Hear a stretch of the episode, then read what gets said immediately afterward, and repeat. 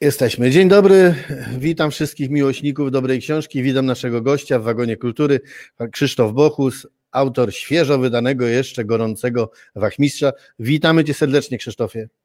Cześć, witam serdecznie. No, oczywiście nie może się obyć inaczej. Powiedz, jak zdrowie? Czy epidemia ominęła cię? Czy... No nie, no nie, nie było tak łatwo. To znaczy, koronawirus zawitał do mojego domu e, i różnie z tym bywało. Nie chcę tu uderzać w takie wątki nuty martyrologiczne, ale przeszliśmy go jako tako. Potem wrócił do, do mojej rodziny, bo ja mieszkam z córką e, przez ścianę. Właściwie mamy dwa domy i, i nie dał nam odetchnąć. Ale dałem radę. Ja sobie, ja oczywiście sobie nie chwalę, tylko uważam, że ten cały okres pandemii był tragiczny i nadal jest i zasmucający, ale ponieważ ja, jak każdy pisarz, prowadzę taki bardzo samotniczy tryb życia, bo na tym polega pisanie. Siedzę przy biurku, kreuję jakieś światy i przelewam to na, na papier. Starałem się ten okres wykorzystać maksymalnie, skupić się na pracy.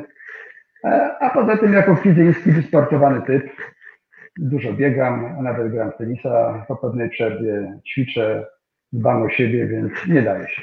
I Wam też. Pewnie wszyscy znajomi wiedzieli, że dzisiaj będziemy rozmawiać online, pewnie nas obserwują. E, mam masę życzeń dla Ciebie od Twoich przyjaciół i ze szkoły i nie tylko. No oczywiście nie zdążymy tego wszystkiego przedstawić, ale powiedz tak wracając jeszcze do, tej, do tego okresu pandemii, czy to jest tak, bo wszyscy mówią, no pisarze siedzieli w domu, to tych książek teraz będzie wysyp. No nie wiem, czy, inaczej nie mogę mówić za, za innych. Ja od pewnego czasu, to znaczy od dwóch lat, staram się oddawać dwie książki rocznie. Jak na takiego żółwika jak ja, czyli człowieka, który przykłada dużą wagę do, do stylu i do wartości artystycznej, a nie tylko do tych potrójnych skoków, e, przyrównując to do jazdy figurowej na lodzie, to takie tempo i tak jest osiągające. I staram się robić tak, żeby mm, te dwie książki, żeby wśród tych dwóch książek jedna była e, książką współczesną, a jedno, jedna książką retro. Tak było dwa lata temu, kiedy wiosną wydałem listę Lucyfera, a w ślad za tym jesienią Miasto Duchów. E, I w roku ubiegłym, kiedy zacząłem rok od e, premiery Boskiego Znaku, e, a teraz i, i skończyłem, i teraz trochę się zaplątałem chyba w tych datach, ale zakończyłem Wachmistrzem, który jest moją książką najnowszą. Zaplątałem się dlatego, że się zorientowałem, że jesteśmy już w roku 2021, a, a mówię o roku tym smutnym ubiegłym. I taki też podobny plan mam na rok obecny. E, to znaczy wiem już, że wiosną tego roku wyjdzie trzecia część przygód Adama Berga, e, Klątwa Lucyfera, która będzie taką klamrą spinającą e, losy wnikliwego dziennikarza, mojego bohatera. Oprócz tego jeszcze w pierwszym półroczu ukażą się dwa moje opowiadania fantologii, czyli jak widzisz tempo jest całkiem przyzwoite jak na mnie. E, pierwsze, pierwsza z tych antologii ukaże się w marcu w stulecie traktatu ryskiego. Taka antologia poświęcona e, Bitwie Warszawskiej.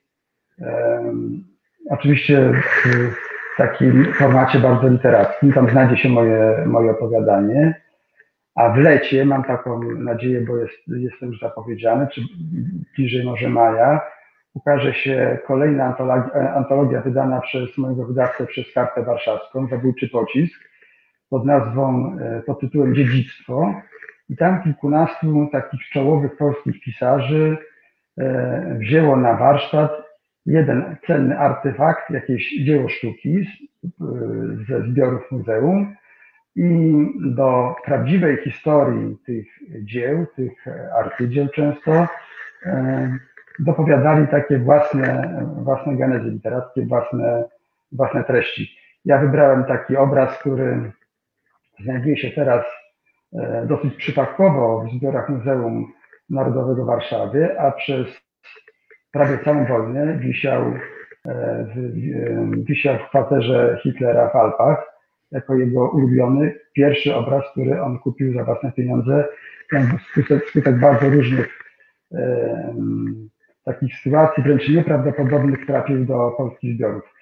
No i to jest jakby pierwsza połowa roku, a teraz e, poza tym, że rozmawiamy, to codziennie główkuję, za dwa tygodnie mam spotkanie z wydawcą i ustalimy, co ukaże się, w, jeśli się ukaże drugiej połowie roku, bo mam pewien koncept, ale jeszcze za wcześnie o tym mówić. No Także jak widzisz, jestem dosyć zapracowany.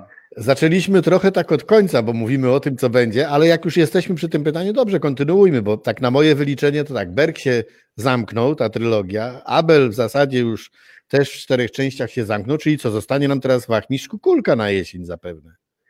No jesteś, jesteś bardzo wnikliwym rozmówcą i przewidującym. No nie ukrywam, że chodzi mi po głowie taki pomysł, żeby napisać Wachmistrza dogrywkę, taki drugi tom, ponieważ wiele z, z tych wątków, które poruszyłem w Wachmistrzu, może niewiele, ale ten taki podstawowy, nadawałby się do takiego twórczego rozwinięcia. Ja, jeśli pozwolisz, to dwa zdania powiem o, o Wachmistrzu, bo to książka, jak każde dziecko ostatnie, najbliższa memu sercu.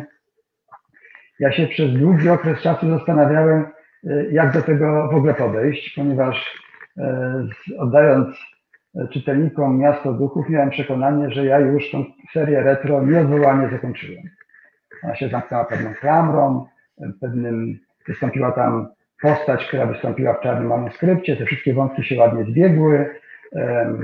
Napisałem tam tysiąc kilkaset stron takiej podzielonej na cztery y, tomy epopei, w której nie tylko ukazałem pewien bardzo taki barwny, plastyczny obraz historii Pomorza, wolnego miasta Gdańska, ale też mojego bohatera, który wzrastał wraz z kolejnymi tomami i szczerze mówiąc wydawało mi się, że to, zadanie domowe ja już odrobiłem i wystarczy. Nawet y, sam fakt, że sięgnąłem po tematykę współczesną, taką jak, jak lista Lucyfera czy Boski Znak, to, była taka chęć ucieczki w trochę inne światy. Ja nie chciałem być też więźniem jednego gatunku. Mam trochę pomysłów. E, stąd pojawił, pojawił się Adam Berg, który jest wprawdzie wnukiem Christiana Abela, to zupełnie, zupełnie inna postać. A jak mówię o tej trudności z powstaniem Wachmistrza, to ona polegała na tym, że nagle spotkał się ze mną na, na kawie e, mój wydawca i zaczął mnie gorąco namawiać, żeby do tego Abela i a zwłaszcza kukurki wrócić. To ja z początku uznałem za pomysł obrazoburczy i powiedziałem nie. Po czym po jakimś czasie zacząłem się zastanawiać, że jeśli jest tak, że, a jeszcze jak wiesz, jestem dosyć aktywny na tych e, w mediach społecznościowych, mam swój profil autorski i prowadzę taki dosyć żywy dialog ze swoimi czytelnikami. Wiele osób mnie zachęcało do tego, żeby jednak nie porzucać tak odłogiem Abela i Kukułki. Zwłaszcza, że była pewna tajemnica nie do końca opowiedziana, to znaczy te, te początki, ludzie byli ciekawi, e, skąd tak ścisłe, bardzo męskie i lojalne więzi między e, dżentelmenami. No i pomyślałem, że E, że się jednak za to zabiorę, e, przyszedł mi do głowy taki prequel, mówiąc językiem filmowym, czyli książka, która chronologicznie poprzedza czarny manuskrypt, ale nie wchodzi w skład e, tej tetralogii. Jest taką oddzielną powieścią, którą czytelnik może sobie na półce postawić przed moimi czterema tomami poświęconymi Abelowi i, i Kukulce. A okres 1929 roku, okres wielkiego kryzysu, przyszedł mi do głowy dlatego, że siedząc właśnie za tym biurkiem jak teraz, w środku czy na początku pandemii, szczerze mówiąc, pomyślałem, że poszukam takiej emblematycznej klamry, która będzie spinała tą obecną traumę, w której my wszyscy żyjemy, z tym y, y, nastrojem, z tym klimatem pewnej agonii, upadku, który y, towarzyszył no nie tylko Wolnemu Miastu Gdańsku, nie tylko Gdańskowi, ale i całemu, całej Europie, całemu światu w czasach wielkiego kryzysu. I ten czas pauperyzacji, upadku, takiego upadku moralności, takiej wszechogarniającej nocy był dla mnie takim dobrym podglebiem pod napisanie Bachmistrza. No i do tego oczywiście dodałem, mam nadzieję, w miarę e, e, wciągającą fabułę kryminalną. Tak powstała książka, która jest takim wstępem, takim preludium do całej tej mojej wielkiej sagi kryminalnej. Teraz po trzech miesiącach od premiery myślę, że chyba zrobiłem dobrze. E, ja jestem skromny, więc oceny książki zostawiam innych, ale no nie ma co ukrywać, że spotkała się z dobrym przyjęciem. To mnie bardzo cieszy. To mnie bardzo cieszy, bo się bardzo napracowałem przy. No my, a, a gdziekolwiek nie zajrzymy na wszystkie notowania, wszędzie zachmi się w czołówce najbardziej poczytnych książek. Mm, I powiem Ci tak, to chyba najbardziej mroczna z tych wszystkich części, które czytaliśmy z Christianem Abelem i Wachmistrzem Kukulką. No, tak jak mówisz, to są te, te czasy, takie bardzo, bardzo ponure, nic, nic w zasadzie dobrego tam nikogo nie spotyka w tej książce. No, świat handlarzy ludźmi, no nie będziemy za dużo też tu uprzedzać. Chodzi mi o to, że znakomicie są umieszczone te postacie dwóch takich chropowatych bohaterów, gdzie Abel to jest ten taki przykładny, e, ułożony, no, były pruski oficer, a, a Wachmistrz Kukulka ma swoje sposoby, ale za to jest bardzo lubiany. Ja to, moje pierwsze odczucie to taki brudny Harry. No tak, no ja nawet użyłem takiego sformułowania w jednym, w jednym z wywiadów. Jest, jest dokładnie tak, jak mówisz. To znaczy, ja nawet chciałem, żeby tak było. To znaczy, jak dostałem taką szansę, żeby pokazać początki tej całej sagi, to musiałem ukazać, jak ci panowie do siebie dochodzili, jak się docierali, bo ta przyjaźń jest na początku, właściwie nie ma, to jest szorstka znajomość. Abel jest typem zupełnie innym, takim bardzo um, zimnym, przykładającym wielką wagę do procedur, do dedukcji, do dochodzenia do prawdy w sposób systematyczny. Jest takim typowym pruskim oficerem, tak? niezależnie od jego przekonań politycznych. Kukulka jest jego przeciwieństwem. Obaj panowie są tak różni jak e, e, ogień i woda. Jest wychowany na, na podwórku. On przypomina trochę takich ludzi, e, którzy, on przypomina trochę ludzi, których potem w swoim policyjnym żywocie ściga, tylko że oni poszli w stronę przestępczości, a on został policjantem i założył mundur.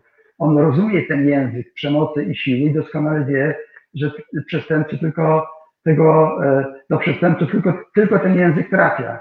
Więc y, obaj e, policjanci się uzupełniają w tym sensie, że Abel jako ten mózg, ten e, oficer wiodący wnosi do tego związku, do tego duetu wszystko to, co w policji najlepsze, natomiast Kukulka wnosi pewną żywiołowość, znajomość ludzi, znajomość przestępców, nie ma co też ukrywać, jako ten brudny Harę z Wolnego Miasta Gdańska, o którym wspominasz, ma swoje sposoby na, na docieranie do, do prawdy, nie zawsze zgodne z, praw, z, z, z prawem.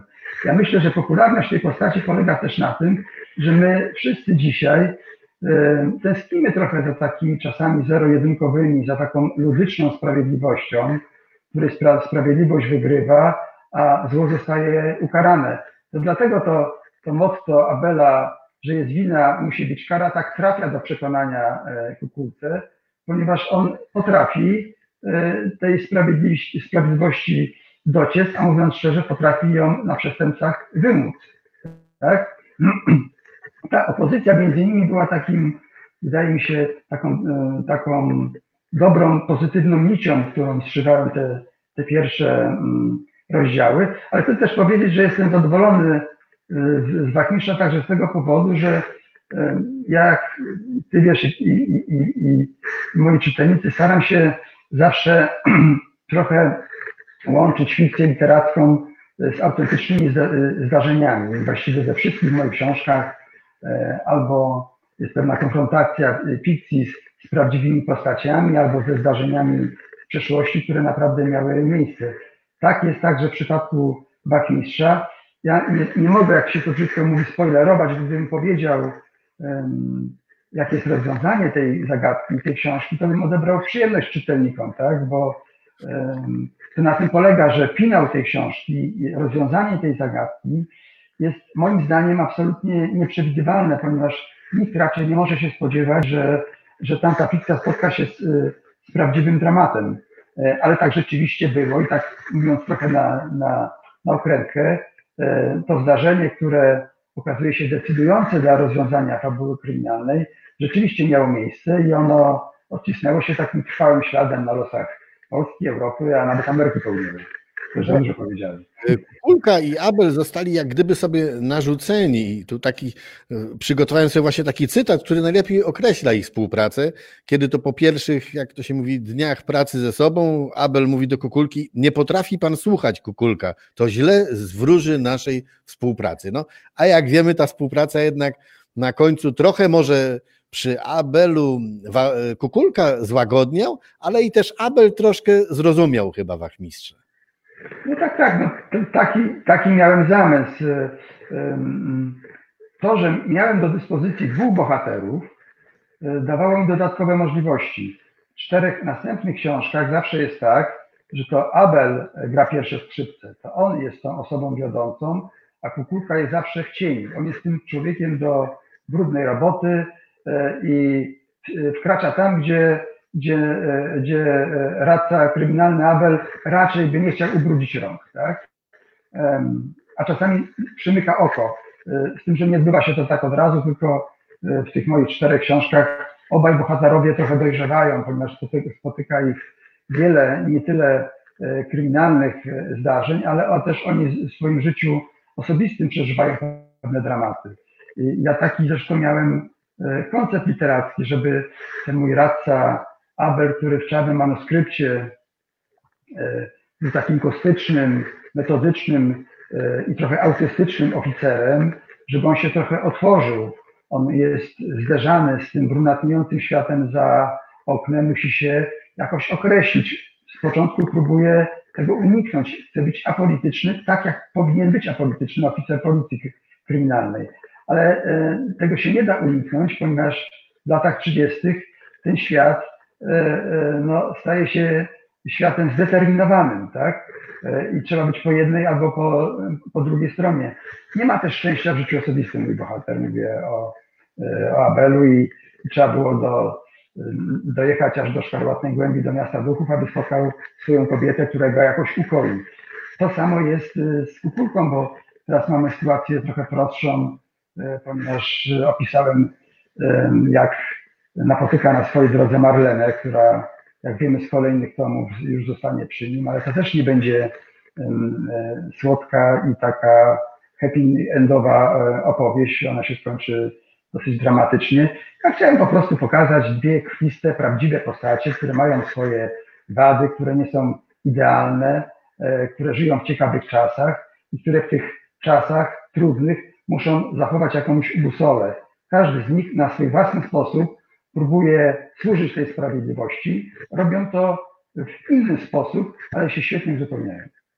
Krzysztofie, za moimi plecami mamy, mamy, kilka z Twoich książek. Niestety brak dwóch, brak tam z tyłu boskiego znaku i właśnie Wachmistrza, a na okładce Wachmistrza Twoją książkę poleca czytelnikom nie kto inny jak no, znany już klasyk powieści kryminalnej Bernard Minier. Czy możesz zdradzić szczegóły, jak to do tego doszło? Skąd, no nie ma co ukrywać, taka sława, przeczytała Twoją książkę i poleca ją innym czytelnikom.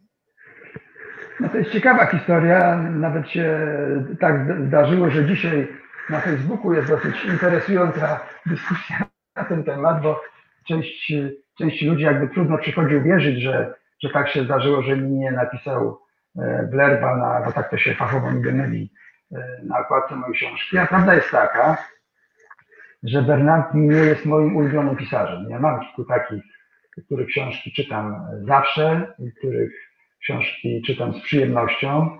Wspomniałem już kiedyś, bo my rozmawiamy pierwszy raz, że wtedy, kiedy pracuję, czytam rzadko, jestem całkowicie pochłonięty pracą, ale dla Miniera robię wyjątki. Teraz akurat czytam Dolinę z pewnym opóźnieniem jako książkę.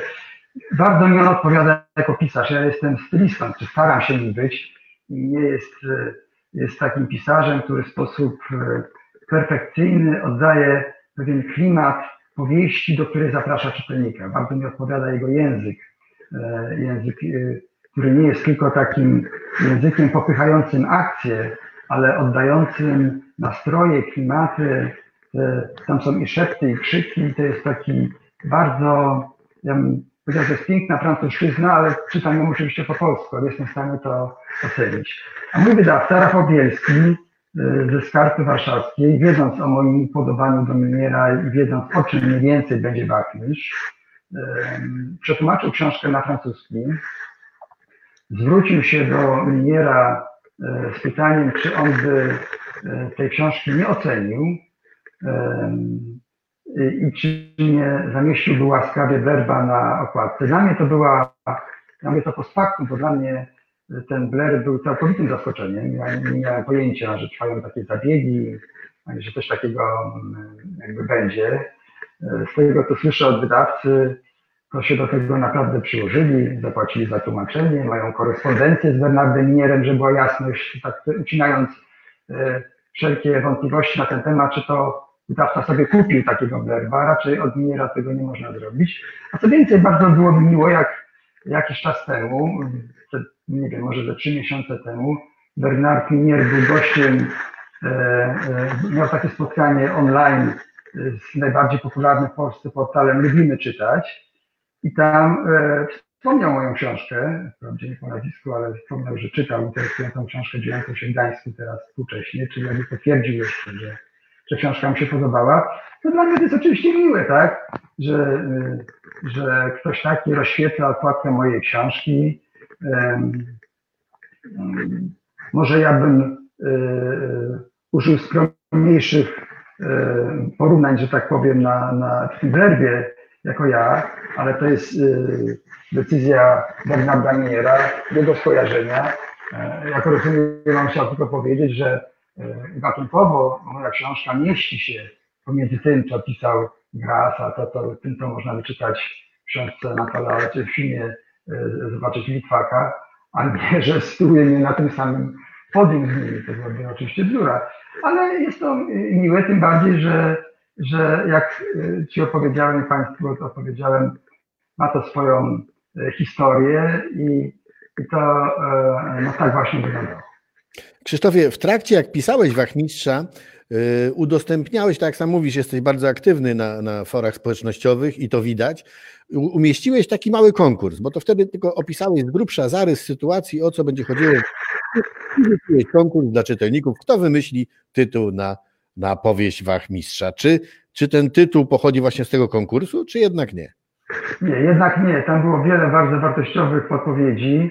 Ja miałem, e, nawet brałem niektóre z nich pod uwagę, ale e, kiedyś nawet na spotkaniu w Warszawie kiedy w ogóle zaświtała mi taka myśl o tej książce, powiedziałem, że dobrym tytułem byłby Zły Wachmistrz, który się jakoś tam odnosił do, do, do filmu e, Abla Ferrery, ale potem uznałem, że po tych takich, żeby dla, odróżnić trochę tą książkę od e, tetralogii o Abelu, z których e, te tytuły takie były bardziej malarskie czy kolorystyczne, to wydawało mi się, że taki mocny tytuł podkreślający, że to jest książka, w której po raz pierwszy e, bohaterem jest Wachmistrz Kukulka, że taki tytuł najprostszy będzie najlepszy. No i tak e, na tym stanęło, chociaż przekonywano mnie, że ten tytuł jest taki mało, mało chodliwy czy mało rynkowy. Wydaje mi się, że jest taki, jak należy. Właśnie jeżeli mówisz o tych zapożyczeniach, ja bynajmniej zauważyłem takie dwa, które mi y, zwróciły uwagę. Jedno z nich to jest sposób postępowania kukulki, kiedy tam łapie przestępcę i mówi: Słuchaj, powiedz mi to, to cię puszczę wolno, na przykład, tak? Przestępca mu wszystko mówi, ale obiecałeś, że mi wolno. Łamałem. Już w jakimś filmie yy, można było znaleźć taką podobną sentencję, tak samo jak y, sformułowanie tam serce twoje, gdzie twoje siostry mi się od razu skojarzyło z panem samochodzikiem. Pamiętasz, kiedy było we Fromborku, poszukiwał skarbów i ta tajemnica... Tak, tak. serce twoje. Ale to akurat, to drugie, e, to, to drugie skojarzenie jest jak najbardziej prawidłowe, bo ja w swoich książkach bawię się pewnymi konwencjami i pewnymi skojarzeniami. I dokładnie e, dlatego użyłem takiego zwrotu, bo ja kiedyś wyczytałem w książce Nienackiego, Natomiast co do tej pierwszej sytuacji, to nie, nie, nie potrafię się odnieść, bo oczywiście staram się nie, nie kopiować e, żadnych dialogów, ale zdarzyć się może we współczesnym świecie, w kulturze masowej jest tyle książek, tyle filmów, tyle klisz chodzi nam po głowie, że coś zawsze może jakby się powtórzyć. No, szczególnie... Ale, ale poruszyłeś taki ciekawy wątek z Nienacki, bo um, chciałem tu wspomnieć może nie tyle o wachmistrzu, co teraz o boskim znaku, zwłaszcza, że niedługo będzie premiera, na niedługo, tam za, za kilka miesięcy, Klątwy Lucyfera, że ta książka też jest takim hołdem dla moich mistrzów takiej literatury przygodowo-sensacyjnej. Ja jestem chłopakiem, który jak mieszkał w Kwidzynie, to ja czytałem mnóstwo książek, Mam już kiedyś chyba opowiadałem tutaj na spotkaniu, że tam przy księgarni państwa jeleniewskich dawnych była taka latarnia, chyba ja w nią przygwoździłem głową, czytając książkę właśnie Nienackiego. E, siedziałem tam z moim przyjacielem Jurkiem Bieleckim zawsze na takim e, murku i, i, i obydwaliśmy te nowe książki. Ja jestem chowany na, na książkach Nienackiego, Jamesa Fillmora Kuruda, um, um, Karola Maja, um, i pomyślałem sobie, że jak szukałem jakiegoś pomysłu na książkę współczesną, to oczywiście to, co ja piszę, to nie jest pan samochodzik, to najwyżej pan samochodzik dla dorosłych, y, bo występują tam, y, bo, bo powaga tych problemów, taka jak na przykład poszukiwanie skarbów zaginionych w czasie wojny, no, wymaga odpowiednich środków literackich i innych bohaterów, ale coś z tego klimatu jest takiego poszukiwania um, tych emocji, które miałem jako czytelnik książek przygodowo-sensacyjnych, we mnie zostało. I ja, e, zabierając się za listę Lucyfera, mimo że tam nie brakuje, nie brakuje akurat krwi, czy też zabierając się za boski znak, no chciałem dać fokus takim trochę emocjom. Chciałem napisać inteligentny, taki erudycyjny, inteligentną, erudycyjną powieść sensacyjno-przygodową, której czytelnicy będą się dobrze bawić, która będzie jej pochłaniać, a przy okazji czegoś się dowiedzą. Tak? Bo w każdej z tych książek jednak jest taki wsad merytoryczny, istotny. W jednej i drugiej chodzi o, o zabytki. Ja jestem bardzo czuły na tym punkcie. Interesuje mnie ta kwestia zaginionych dzieł sztuki, strat, jakie poniosła Polska. Na ten temat się rzadko mówi, bo nie ma czasu, bo żyjemy w takiej plastikowej rzeczywistości. Niektórzy żyją kilka minut, a wielkie dramaty dla dni, e, a telewizja to miele, wszystko codziennie i jesteśmy, myślę, że nawet mamy umysł inaczej skonstruowany niż, niż 20 lat temu, ale te tematy, które mnie interesują, właśnie ta reivindykacja dzieł sztuki i próba ich odnalezienia, to wydaje mi się jest takie bardzo mm, ciekawe podglebie literackie dla, dla mojej książki. No właśnie też wspomniałeś o Karolu Maju, między innymi, jak czytamy z książki z Wachmistrza, to jest ulubiony autor Wachmistrza, bo w zasadzie Wachmistrz książek unika, ale Karola Maja i owszem. Nie, no, ja oczywiście to napisałem specjalnie po to, żeby wywołać uśmiech na, na twarzy czytelnika, bo dzisiaj Karol Maj jest traktowany jako taki pisarz trochę demode, ale za czasów mojej młodości e, było inaczej. Ja do kina tęcza na, na chyba Winetu, ostatniego, na ostatniego Winetu wychodziłem ze cztery razy i to za każdym razem jak Winetu umierał długo, a Shatterhand trzymał go za rękę, to, to miałem łzy w oczach, w ogóle tak się tym y, przejmowałem. E, to były fajne książki, chociaż mało kto wie, że Karol Maj nigdy nie był w Ameryce i tworzył je w swoim domu w, w okolicach Drezna. A ta postać się też pojawia dlatego, że w latach 30. E, Maj był rzeczywiście e, traktowany jako taki pisarz salonowy i wielu ludzi e, no, e, interesowało się jego twórczością. E, właściciel zamku Czocha, o którym, do którego nawiązuje w boskim znaku, bar, baron Ernst Gyczow, był wręcz fanem wielkim Karola Maja i nawet poświęcił ogromne pieniądze, to jest taki mało znany epizod, zorganizował wyprawę do Afryki i tam e, miano w afrykańskich plenerach, do Ameryki było chyba za daleko, kręcić jedną z książek Karola Maja, a rolę główną miała grać Elza Krieger, jego kochanka, ten fatal tamtej epoki. To świadczy o tym, że, że bogaci, zamożni ludzie, bardzo e, wielcy erudyci, bo Gyczow miał jedną z największych bibliotek w Rzeszy Niemieckiej, znał mnóstwo ludzi, e, przyjaźnił się z artystami, a jego, a jego zamek zaprojektował profesor Bodo e, Eckhart, który był jednym z najwybitniejszych architektów niemieckich. W tych latach Maj był w obiegu, no już nie mówiąc o tym, że był to ulubiony pisarz także Adolfa Hitlera.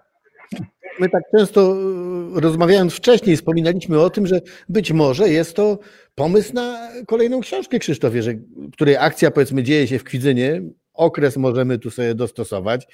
E, rozmawialiśmy na ostatnim naszym spotkaniu o tych tajemniczej legendzie tych, tych podziemi, które są podobno pod Kwidzynem, które łączyły się z Gniewem pod Wisłą, czy też niektórzy mówią, że nawet z Malborkiem. Może tu, wiesz, taka została, powstała luka, sam wiesz, na rynku pisarskim po y, Adamie Bagdaju, po Zbigniewie Nienackim, nikt już takich młodzieżowych książek nie pisze.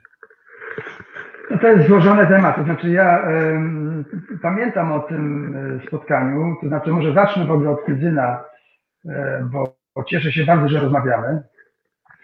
Jak wiecie, to Kwidyn zajmuje szczególne miejsce w moim sercu i to nie jest gołosłowne, gołosłowne stwierdzenie. Ja jestem z Kwidzynem związany, ja obserwuję na Facebooku wszystko, co dotyczy mojego rodzinnego miasta. Ja byłem tam już czterokrotnie na spotkaniach autorskich. Gdyby nie pandemia, to na pewno bym tam przyjechał wcześniej. Bardzo z Kwidzynem sympatyzuję, mam tam bardzo wielu e, wiernych czytelników, którym się nisko kłaniam teraz. To jest miejsce dla mnie szczególne, do którego ja w większości swoich książek, jak celnie kiedyś zauważyłeś, staram się powrócić. To znaczy, nawet jeśli książka nie ma nic wspólnego z Fizynem, albo fabuła nie jest z nim związana, tak jak na przykład w Wachmistrzu, kiedy e, radca Abel dociera do szpitala w Marienwerder i tam przesłuchuje jednego z podejrzanych, opisuje szpital, który istniał rzeczywiście, w którym ja się sam urodziłem. Ja mieszkałem w, przy ulicy dawnej Świeczewskiego 27, to e, e, nie licząc takiego pola pełnego kapusty między szpitalem a tym, tą willą, w której ja, ja akurat mieszkałem, to ja się tam często koło tego szpitala bawiłem właśnie filią e, w podwoju, a w moim domu, w moim mieszkaniu mieszkał jeden z chirurgów zatrudnionych w Kwidzyńskim szpitalu, bo to, był podob, to podobno była kiedyś taka placówka na, na wysokim poziomie. Więc czy to jest taki trend, czy to jest e, taki akcent, że kogoś złapano w Korzeniewie albo gdzieś tam pod Kwizynem, zawsze staram się ten, do tego Kwizyna jakby nawiązywać i to jest rodzaj dla mnie takiego pozytywnego emblematu, który się pojawia w moich książkach. Czy powstanie książka e, z Kwidzynem znowu jako takim drugoplanowym bohaterem? No nie potrafię powiedzieć. Na razie mam plan jeszcze nie, nie do końca uczesany i trochę inny, ale chciałem jeszcze o jednej rzeczy powiedzieć, że ja mam podpisaną umowę i mam nadzieję, że się z niej wywiążę na pierwszą w moim życiu książkę młodzieżową właśnie. Taką adresowaną, dedykowaną dla, do e, dzieci wieku około 10 lat. I to wbrew pozorom, powiem Ci, nie jest e, sprawa prosta, ja napisałem już osiem książek e, dla dorosłych, a kiedyś Maciej Wroński powiedział, że po, po siódmej książce poczuł się pewniej. Ja się ciągle tak nie, nie czuję do końca pewnie, chociaż książki się no, raczej podobają. Natomiast to jest dla mnie wyzwanie, bo przy tym wszystkim, co powiedziałem wcześniej, że jest taki, jestem takim facetem, który nie do końca wyrósł z krótkich spodenek, ma w głowie te książki, e, które przeczytał, które przeczytałem w młodości, a jak na przykład piszę książki o Adamie Bergu, to e, gdzieś tam mam w głowie książki mojego ulubionego współczesnego pisarza Artura Pereza Reverte na przykład, który pisze inteligentne, sensacyjne, przygodowe książki dla, dla takich ludzi jak ja. W tym przypadku książki dla, dla dzieci trzeba sięgnąć po inny język, po inny rodzaj wyobraźni. Trzeba wiedzieć, w jakim świecie oni żyją. Ja mam dwóch wnuków Wczoraj byłem na sankach i przed jednego z nich przepytałem na tę okoliczność, co on by chciał przeczytać w takiej książce. I mnie totalnie kurczę zaskoczył. Chyba będę musiał od nowa konspekt napisać, bo to, to nie jest tak, jak sobie dorosły pisarz wyobraża, co by chciały dzieci czytać.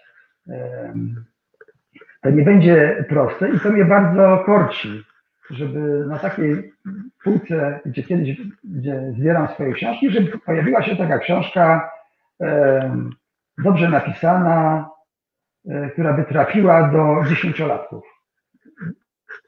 Jak mi się to udało i gdyby ta książka się spodobała tym dzieciom, to byłbym mega dumny, jak to się dzisiaj mówi. A mm, o tym, że wbrew pozorom dzieci czytają, to przekonałem się na ostatnich targach w Krakowie, czy to już było no, jakiś czas temu, tak, w 19 roku pod koniec miałem tam spotkanie autorskie i, i podpisywałem książki. I to tak w formie anegdoty e, opowiem, wprawdzie nie, do mnie też tam parę osób stało, ale w każdym razie przed, e, e, przed moim spotkaniem dokonałem wizji lokalnej, bo chciałem zobaczyć, w którym miejscu ja tą swoją książkę będę podpisywał. I tam siedział pan, siedział tam ktoś, kto podpisywał książkę, a kolejka do niego no miała, była taka jak kiedyś za telewizorami w PRL-u, to znaczy tam ze, ze 300 osób stało. Ja byłem, byłem zdumiony, że y, y, kto tam jest, czy to jakiś Koben, czy to jakiś Nesbo przyjechał tutaj do, do Polski. Okazało się, że to był autor książek dla dzieci i młodzieży, pan Rafał Kosik y, i stały tam matki, rodzice z dziećmi, prawda, to znaczy, że jak coś jest dobrze napisane, to zawsze znajdzie swojego mm, mm, odbiorcę. Także dzielę się takim marzeniem, żeby mi się udało e, w tym roku taką książkę napisać i opublikować. To byłoby coś. A książka, książka Rafała Kosika, no to przecież jest także lekturą szkolną obecnie w szkole podstawowej. Krzysztofie, ja zawsze wynotowuję te właśnie, tak jak wspomniałeś, te kwidynalia, które umieszcza w swoich książkach. I między innymi właśnie w Achwistrzu mamy, mamy wzmiankę o Tychnowach, mamy o więzieniu w Sztumie. Tak jak mówiłeś, jeden z braci Arens leży w szpitalu w Marienwerder, ale ja ci powiem, ja po raz pierwszy się dowiedziałem, że już wówczas istniała na Wiśle przeprawa promowa, kiedy, kiedy Abel jechał do Marienwerder. No, z mojej wiedzy wynika, że tak. A coś tutaj, coś nie pasuje? Nie, pasuje jak najbardziej. Po prostu byłem zaskoczony czytając to. Myślałem, że to powstało tak, tak. w latach 50. czy 60. Tak, tak, tak. No, tych, e, e, tych nowych z kolei e, znam, jeździłem na rowerze w tamte rejony. Tych nowych też są ciekawe, bo ja na przykład nie wiedziałem, że akurat w tych nowach, w kościele, w takim magazynie, przez wiele lat powojennych był, był e, schowany, magazynowany e, mechanizm zegara Dringera, którego opisałem w Mieście Duchów. Tam, no, tam jakby ocalał większość tego, e, tego zegara. No jak tak wspominasz te dobrze brzmiące nazwy, to rzeczywiście zaczynam się zastanawiać, czy, czy czasami na przykład ta moja książka młodzieżowa nie mogłaby się toczyć akurat w Kwidzynie i w okolicach. Muszę ten pomysł rozważyć. Podzielę się z Tobą honorarium, jak tak przejdzie. Dziękuję. Słuchaj, bo piszesz tak realistycznie, że nawet wczoraj czy przedwczoraj bodajże jeden znajomy zapytał mnie, czy ten Erwin Pec, czy on naprawdę pochodził z Tychnów. Nie, nie no to oczywiście już jest e, e, fikcja literacka. E, nazwiska biorę oczywiście z pamięci lub z różnych niemieckich jakby czasopis szczerze mówiąc, jak wielu pisarzy zaczyna mieć pewien problem z tymi nazwiskami, bo nawet raz się złapałem na tym, że mm, na przykład y, y, y, kobieta Abela nazywa się Gabriele Morel, a potem się zorientowałem, skąd mi się ten Morel wziął jako nazwisko, a, a skojarzyłem, że czytałem wcześniej książkę taką e,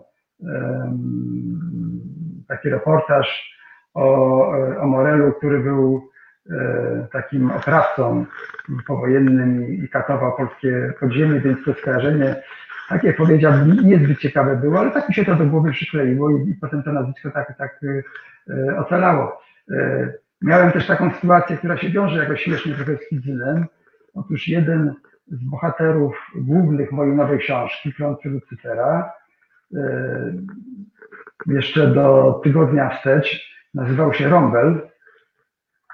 E, tak go nazwałem. I potem się tak przeglądając już książkę przed wysłaniem do wydawcy, zacząłem nad tymi nazwiskami zastanawiać, dlaczego mi się, skąd mi się ten Rombel tam pojawił, bo to ani nazwisko popularne, ani takie dosyć znane i skojarzyłem, że on się wiąże z Fidzynem. Otóż pan, pan Rombel był kolegą mojego ojca i pracował w zakładzie wychowawczym. Żeby nie robić krzywdy rodzinie pana Rogla, to zmieniłem to na rąbek.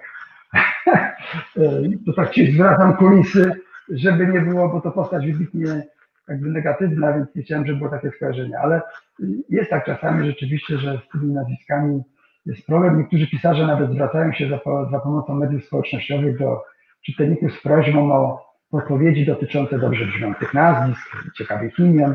Ja jeszcze tak nie robiłem, ale przecież tak naprawdę jakbym spojrzał e, na tą galerię postaci, którą powołałem do życia, poczynając od Adela, Kukulki, Nauna, e, Peca i wielu innych, no to by się zrobił z tego cały niezły oddział, e, cały wydział Krypo albo i więcej.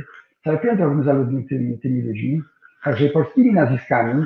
Na przykład w czarnym manuskrypcie występuje pan Wojciechowski, ale to jest akurat nazwisko panieńskie mojej matki, więc to był wybór naturalny.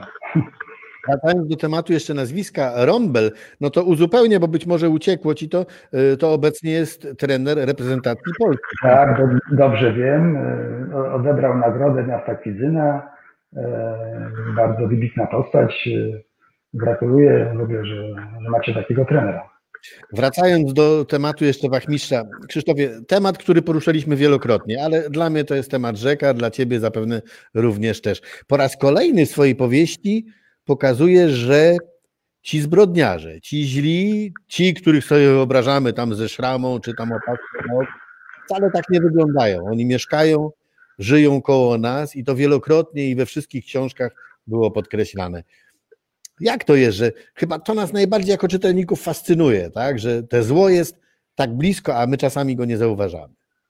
Nie, no oczywiście, to nie zawsze tak jest, to tylko na takich na filmach jest tak, że zło ma twarz Hannibala Lectera e, i że to zło jest wypisane na twarzy. E, ja jako autor kryminałów głównie, chociaż nie wyłącznie, chociaż nie lubię jak się tak nie nazywa, raczej staram się pisać książki obyczajowe z mocnym, czy sensacyjne, z mocnym sadem kryminalnym. Ja jako facet, który przeżył swoje lata i, i, i śledzę też jako dziennikarz z wieloletnim stażem który napisał wiele reportaży i śledziłem prawdziwe historie seryjnych morderców i, i ludzi, którzy mają krew na rękach. Dobrze wiem, że e, zło z jednej strony ludzi bardzo fascynuje. To jest taka czarna studnia, do której lubimy zaglądać. E, lubimy się bać pod warunkiem, że leżymy sobie pod kocem z ciepłą herbatą, e, autor nas straszy, ale żeby to zło nie zdarzyło się naprawdę. Tak? W ten sposób jakby oswajamy to to zło, które tak naprawdę się boimy.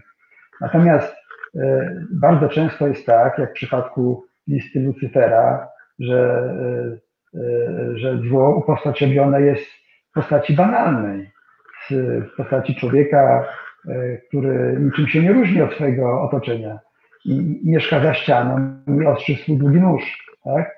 I to mnie jako pisarza, pisarza zawsze ciekawiło, E, jak to się dzieje, że e, to zło znajduje swoje ujście, to znaczy jakie są, nie tyle, nie, nie tyle jakie jest wytłumaczenie, tylko jaka jest motywacja tego zła. I o tym też są te, te moje książki, zwłaszcza współczesne, znaczy lista Lucyfera i boski znak. Tak, y, tak jest, że y, jak świat, ten, jak świat światem zawsze była pewna opozycja pomiędzy dobrem a złem, y, i nie drażnią filmy i książki, których dobro niejako z automatu zawsze zwycięża, ponieważ w życiu tak nie jest. Ja nie lubię happy endów, ja nie lubię takich tkliwych zakończeń. Moje książki się raczej tak, tak nie kończą. Ja bym chciał, żeby przy tym wszystkim, co chcę osiągnąć, a chcę pisać, rozmawiamy przecież o literaturze gatunkowej, ja chcę pisać inteligentne, erudycyjne, dobrze skonstruowane książki, które, które ludziom dadzą chwilę oddechu, może się czegoś przy okazji dowiedzą. To ma być taka dobra, pożyteczna e, rozrywka, ale staram się zaludniać te swoje książki nie tylko fabułami, które są prawdopodobne, ale i takimi postaciami, które możemy spotkać codziennie. Codziennie. Na korytarzu, przy windzie, na ulicy. E, tam jest prawdziwe zło.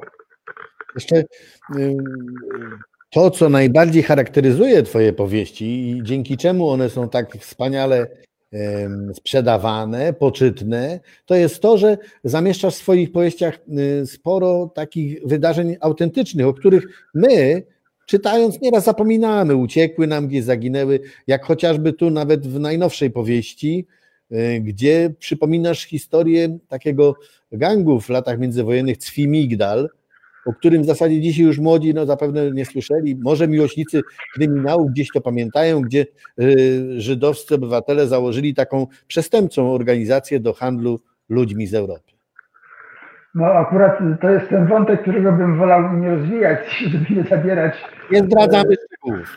Tak, tak, ale no, oczywiście tak jest i właściwie w każdej z tych y, moich książek można znaleźć jakieś odwołania do, do prawdziwych y, wydarzeń tak też jest i w Wachmistrzu. No prawdziwy jest obraz tego spauperyzowanego miasta, przecież bardzo bogatego, złotego Gdańska, który jeszcze nie stanął dobrze na nogach po I wojnie światowej. E, przyszła epidemia hiszpanki, a potem przyszedł wielki kryzys, który, który no, e, położył na łopatki cały właściwie cywilizowany świat. W Gdańsku ten kryzys był szczególnie dotkliwy, bo to było miasto portowe, jeszcze były te niesnaski z Polską, został przerwany pewien naturalny ciąg komunikacyjny, tak? Były pewne spory dyplomatyczne przez całe dwudziestolecie międzywojenne, dwudziestolecie międzywojenne. Ludzie się wieszali, tracili swoje majątki, popełniali samobójstwa, e, kobiety się prostytuowały. W tym świecie pełnym takiego zła i takich demonów e, zła, trudno było dochodzić e, sprawiedliwości. Nie zawsze jako autora ciekawiło I, i, i, I, tak starałem się prowadzić akcję tych swoich książek, żeby pokazać, że ta sprawiedliwość jest waż, ważna zawsze. I dla Abela, i dla Kukułki, niezależnie od różniących ich, e, różniącego ich podejścia do, do wymierzania sprawiedliwości, to same, samo dochodzenie do sprawiedliwości, nawet w tym czarnym jak smoła świecie, było bardzo ważne. Tak? E, I jak opisuję takie zdarzenie, tam na przykład jak Abel spotyka znaną bardzo piosenkarkę operową z opery leśnej, taką zbiedniałą i ona godnie e, odmawia mu przyjęcia jałmużnów. Ja czytałem w jakimś, w jakimś artykułów w prasie e, o takich zdarzeniach, kiedy właśnie ci ludzie, ci celebryci, używają dzisiejszego powiedzenia gdańskie, musieli się zniżać aż do takiego poziomu. Jak piszę o szmuglerach gdańskich, o tych miejscach, gdzie można było zarobić tak zwaną kosę w porcie, to też nie przekłamuję. Opieram się na publikacjach doktora Jana Daniluka z Muzeum w Sopocie, który opisywał ten Gdańsk e, z, z czasów wielkiego kryzysu. Dla mnie to była taka, to było takie dobre, bardzo malarskie, chociaż smętne tło do poprowadzenia e, fabuły kryminalnej. Dla mnie to jeszcze taka jedna perełka sportowa, bo jesteśmy kibicami obaj, gdzie wspominasz w swojej książce o też postaci już prawie zapomnianej, o Maxu Schmelingu, który był swojego czasu mistrzem świata wszechwag w boksie. Tak, tak. No. Ja Ci wspomniałem, że ja lubię się bawić też takimi konwencjami i skojarzeniami. Cieszy mnie na przykład, że to, to wyłuskałeś, bo to jest też ciekawa historia, jak e, obaj wiemy, a Państwo może nie. Max Schmeling e, ten decydujący pojedynek o Mistrzostwo Świata Wady Ciężkiej przegrał.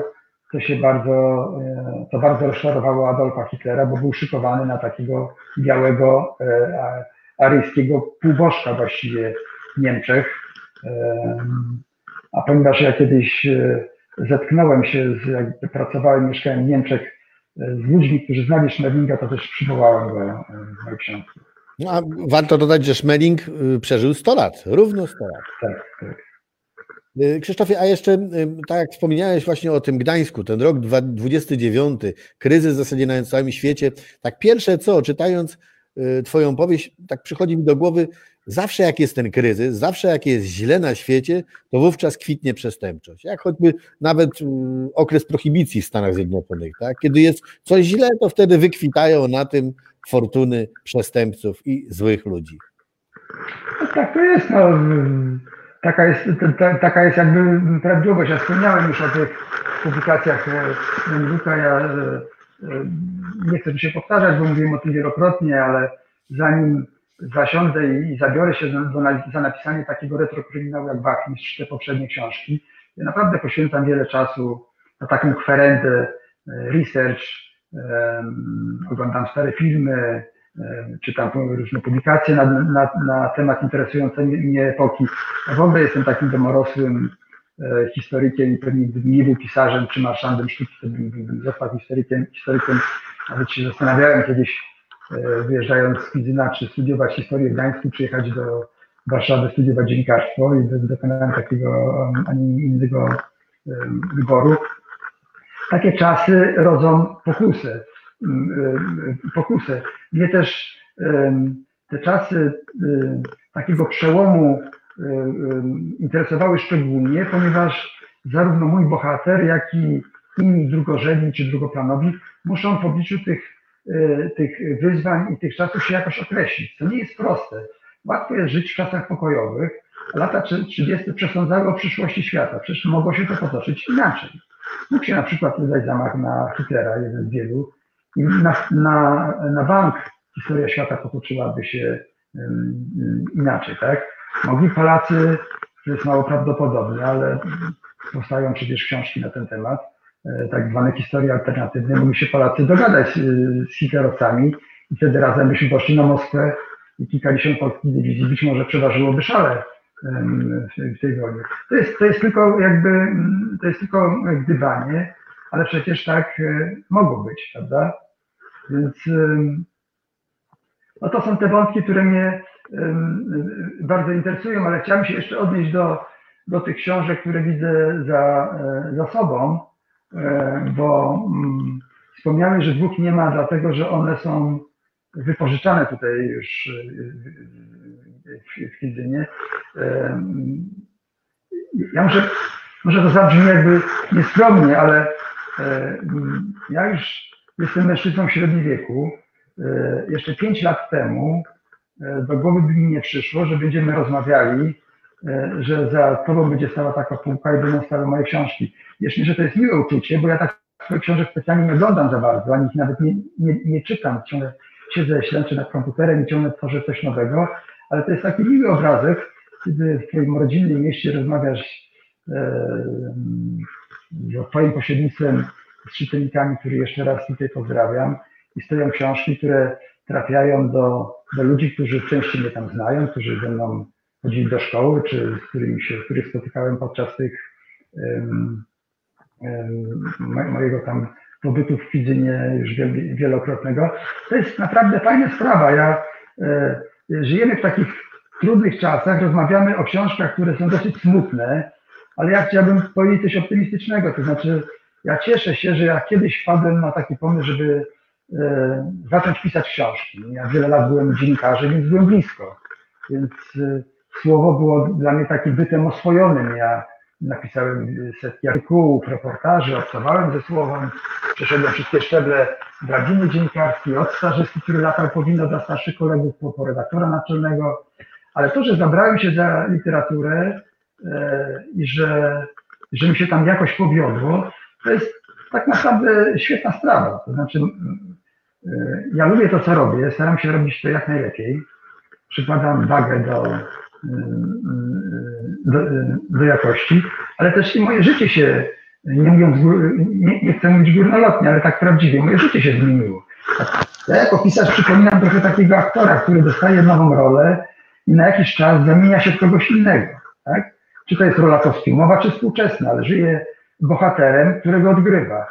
Ja przez jakiś czas zanurzam się w świat, który sam wykreowałem, świat lat 30., czy podróżuję po zamku Czocha, schodzę do do podziemi, czy spaceruję po Bazylice Mariackiej e, w Gdańsku, czy tak jak w ostatniej książce ląduję na Kujawach w środku pandemii i poszukuję zaginionego artefaktu i jestem w środku klasztoru, e, musiałem poznać jego reguły, jego, jego zwyczaje.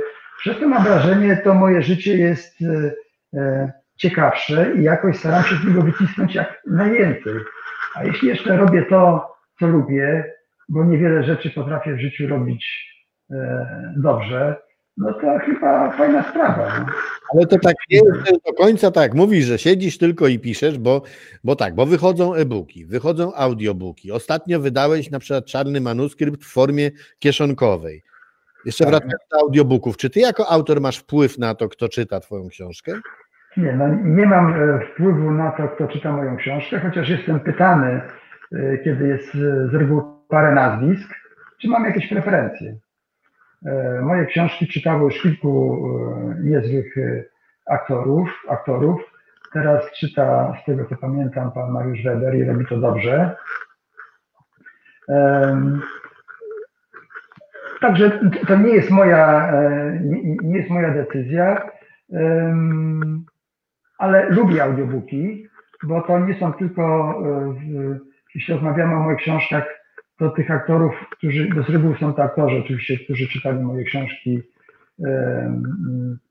to nie są tylko książki e, te nagrywane na audiobookach jako takich, ale też na przykład w Gdańsku e, dwukrotnie moje książki były nagrane w postaci audio i jako książka miesiąca chyba były tam puszczane przez Radio Gdańsk. Tak było z Miastem Duchów i tak było z Martwym e, e, Błękitem. Więc e, ilość tych głosów, które moją książkę czytają jest no już nawet całkiem pokaźna. A raz nawet zrobiłem sobie taki, taki eksperyment, siedząc w swojej samotni podgórskiej w tym roku pandemicznym i przesłuchałem po raz pierwszy ze dwie książki, tak w audio, prawie całe, bo nigdy nie czytam moich książek, szczerze mówiąc. No i to ciekawe doświadczenie, tak? To znaczy ja, ma, ja pisząc książkę mam e, trochę inne oczekiwania co do rytmu, pauz, co do tembru głosu. I nie zawsze jest tak e, idealnie, jakbym myślał, ale z reguły, czy prawie w 100% mam szczęście do tych e, ludzi, którzy moje książki czytają i chciałbym za to bardzo podziękować, bo to oni w ten sposób przybliżają moje książki także ludziom, nie tylko tym, którzy wolą czytać, słuchać niż czytać, ale także tym, którzy nie mogą czytać z różnych powodów. Powiem Ci, tak, jest bardzo ważne. Masa takich czytelników, których znamy, którzy na przykład biorą książkę do czytania, ale też biorą audiobooka, bo kiedy jadą w samochodzie, to żeby nie tracić kontaktu z fabułą, to są cały czas na bieżąco z tą samą książką. Krzysztof... Jeszcze tylko, jeśli mogę, to wspomniałeś o, e, o pocketbookach, czyli o tak zwanych kieszonkach.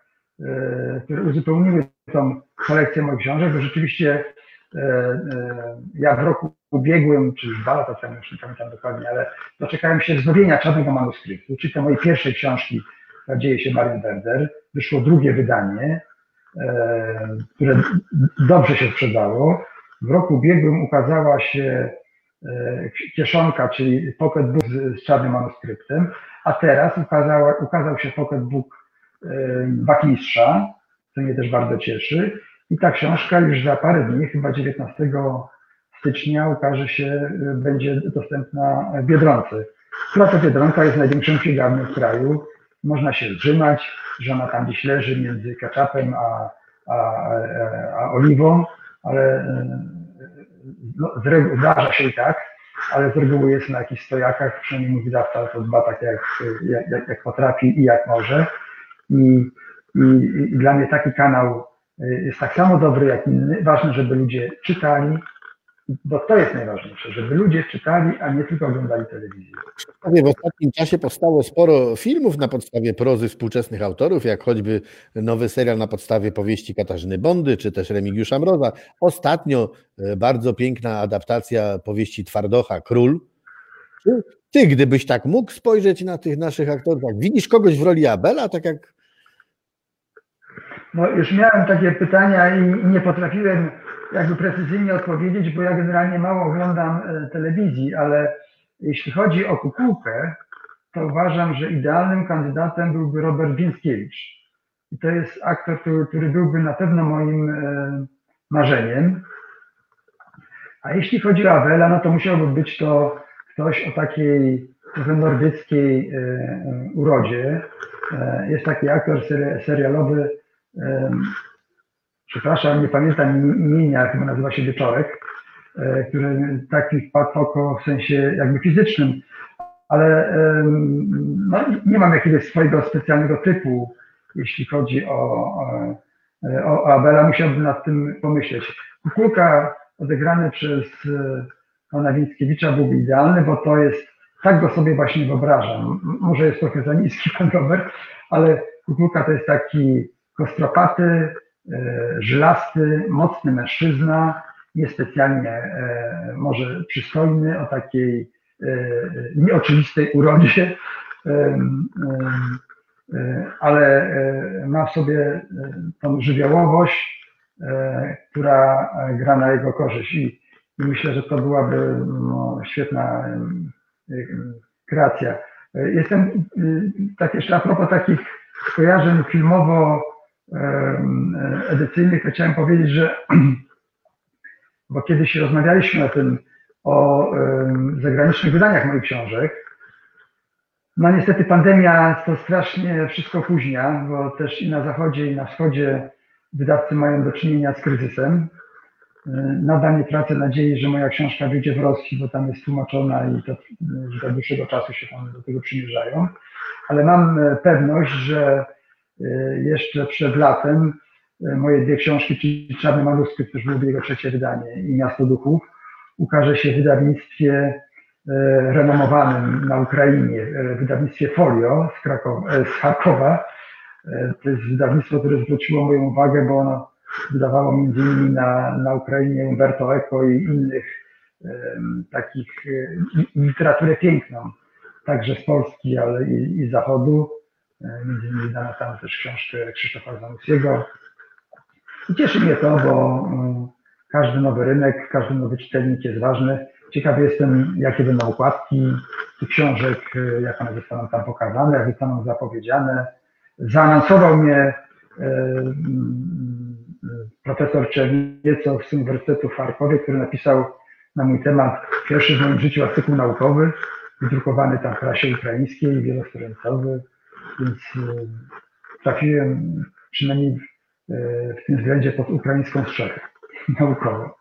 Reżyser do mnie tutaj wymachuje rękami. Rozumiem, że e, godzina naszego spotkania dobiega końca. Tak jak mówiliśmy przed programem, podobno tak mówią ci wszyscy spece od łączności online, że po, powyżej godziny oglądalność spada. No jeśli kończymy, to po pierwsze Adamie chciałem bardzo podziękować jak zwykle za interesującą ciekawą rozmowę. Ja lubię rozmawiać z ludźmi, którzy czytają, czytają moje książki, a z tego mi się zawsze przyjemnie rozmawia. Dziękuję wszystkim, którzy znaleźli chwilę czasu i zamiast śmigać na sankach z dziećmi, poświęcili chwilę mnie i, i, i moim książkom. E, czuję się e, Państwa dłużnikiem. No i do zobaczenia w Kwidzynie. Mam nadzieję, że, że uda mi się e, zaszczepić przed latem i może się jesienią, jak dobrze pójdzie.